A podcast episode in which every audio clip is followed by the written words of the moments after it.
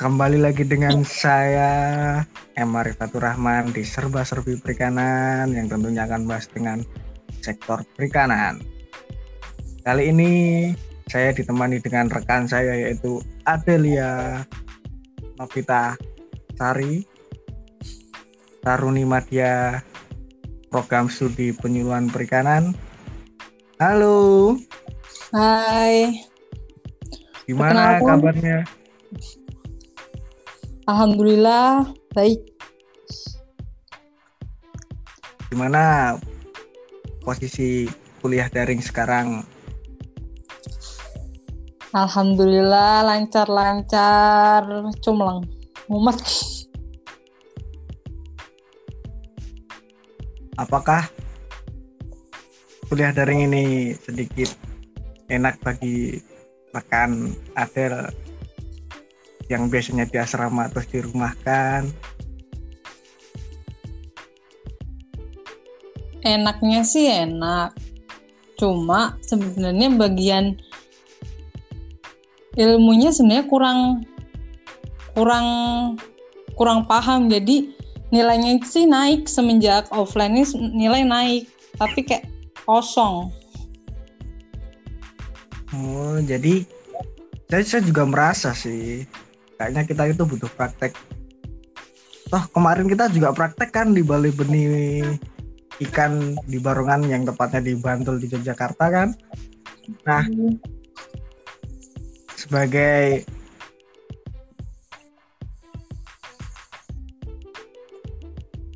rekan Adil yang pernah praktek di BBI Barongan apa sih yang Anda rasakan ketika praktek kemarin?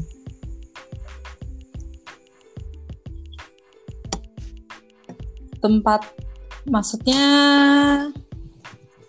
untuk prakteknya sih jadi paham gimana caranya proses pembenian dari dari pengurasan kolam.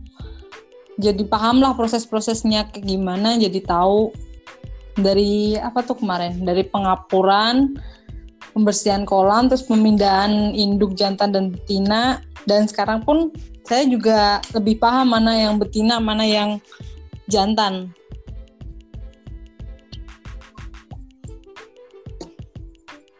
Jadi udah sedikit membantu ta praktek walaupun cuma tujuh hari di BBI. Nah, untuk ke depannya sih apa sih yang menurut rekan Adel yang kurang dari di Balai Benih Perikanan di Barengan itu menurut saya sih pelayanannya kurang. Maksudnya pelayanan ke para pembeli itu menurut saya kurang.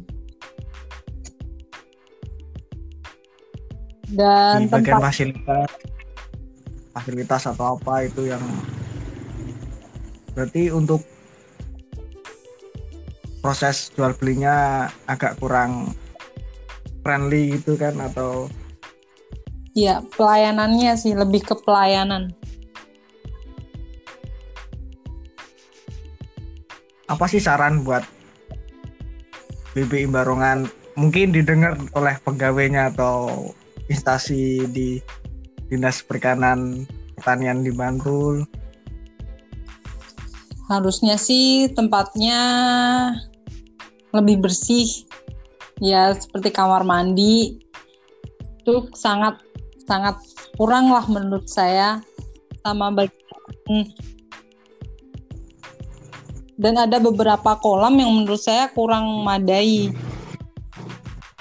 Tapi udah lumayan sih kalau kolam. Dan proses-prosesnya pun juga udah lumayan udah termasuk maju. Terus sama pelayanannya menurut saya harus lebih ramah lah. Itu aja sih. Untuk berarti ini untuk pesan-pesan untuk mungkin didengar ya kan? Siapa tahu mereka dengar di Spotify kita bincang-bincang malam kali ini. Semoga mereka mendengar apa keluh kesah kita padahal kita juga kemarin menyampaikan keluh kesah kita semoga ke depannya atau kita akan praktek lagi di situ mungkin akan menjadi lebih baik ke depannya.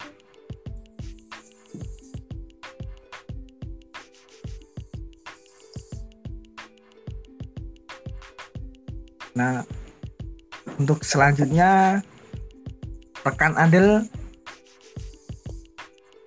apa sih planning ke depan dalam di sektor perikanan yang ingin rekan Adel wujudkan untuk di daerah tempat tinggal rekan Adel aja sih? Kalau saya sih sebenarnya lebih ingin ngembangin. Karena di sini kan emang daerah perikanan juga banyak yang budidaya ikan juga banyak. Karena di sini kan ada sumber air juga di sini air lancar jadi saya ingin manfaatkan kelebihan dari daerah saya itu ingin lebih memajukan lah ingin meluaskan maksudnya di sini kan cuma ada ikan lele, nila, kakap. Jadi saya ingin lebih ingin banyak mencoba ikan-ikan lainnya gitu. Dengar-dengar sih orang tua rekan Adel kan pembenih pembudidaya ikan lele. Gimana? Pandemi ini mempengaruhi nggak proses produksi atau jual beli? Waktu corona awal-awal kemarin sih berpengaruh pengaruh banget.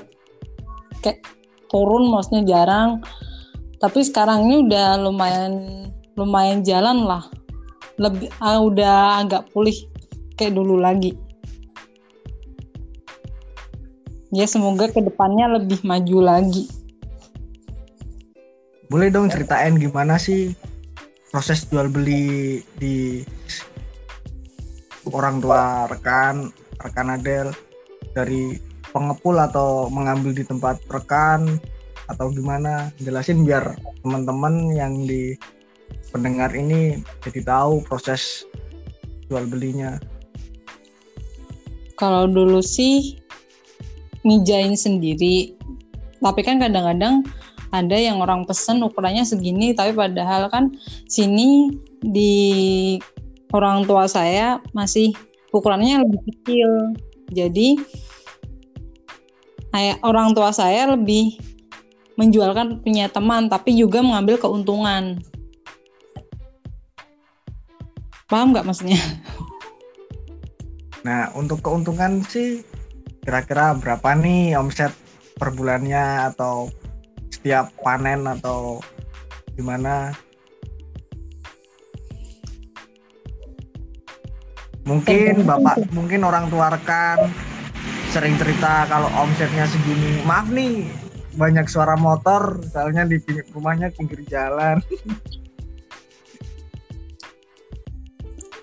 kalau omset sih kurang lebih 3 sampai 4 per bulan. Itu pun kalau sebelum pandemi. Itu 3 3 sampai 4 itu rupiah atau juta? atau miliar nih jangan-jangan kan teman-teman kadang salah persepsi 3 sampai 4 juta lah. Alhamdulillah. Jadi itu cukup buat menghidupin keluarga rekan Adel. Alhamdulillah cukup, tapi kan orang ibu saya jual sayur, jadi ada sampingan juga. Jadi bukan 100% dari perikanan.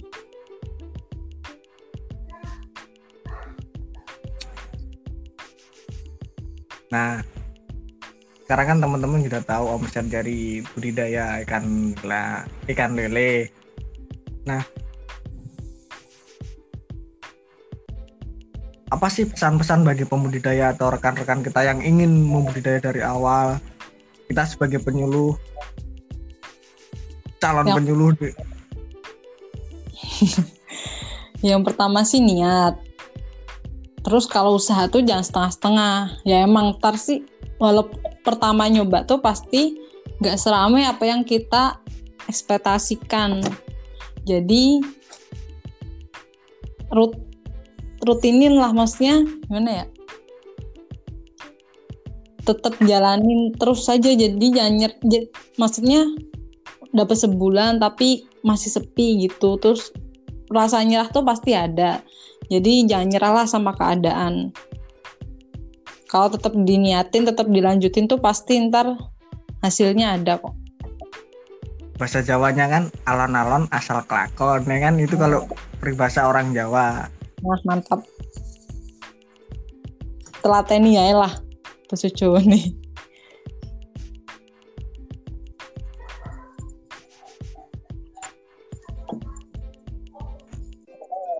hubungkan nih teman-teman. Halo rekan Adel. Tersambung lagi. Ya terus ini kan menteri kita baru ya kan mungkin apa sih harapan di menteri baru ini bagi di sektor perikanan? Gimana gimana?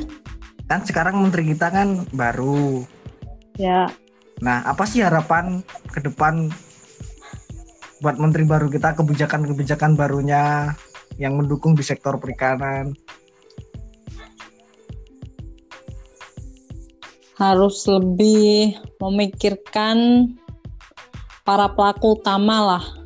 Jangan seperti yang sebelumnya harus lebih memikirkan masyarakat-masyarakat di bagian perikanan. Terus itu aja sih. Harus lebih baik lah daripada yang sebelumnya.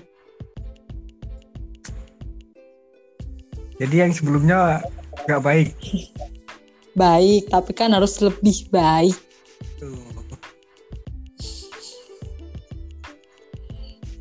apakah Kanadel ingin bertemu Bapak Menteri di suatu saat? Suat, ya kalau bisa sih alhamdulillah. Siapa tahu ada undangan resmi. Bukan undangan nikahan mantan ya kan? Aduh.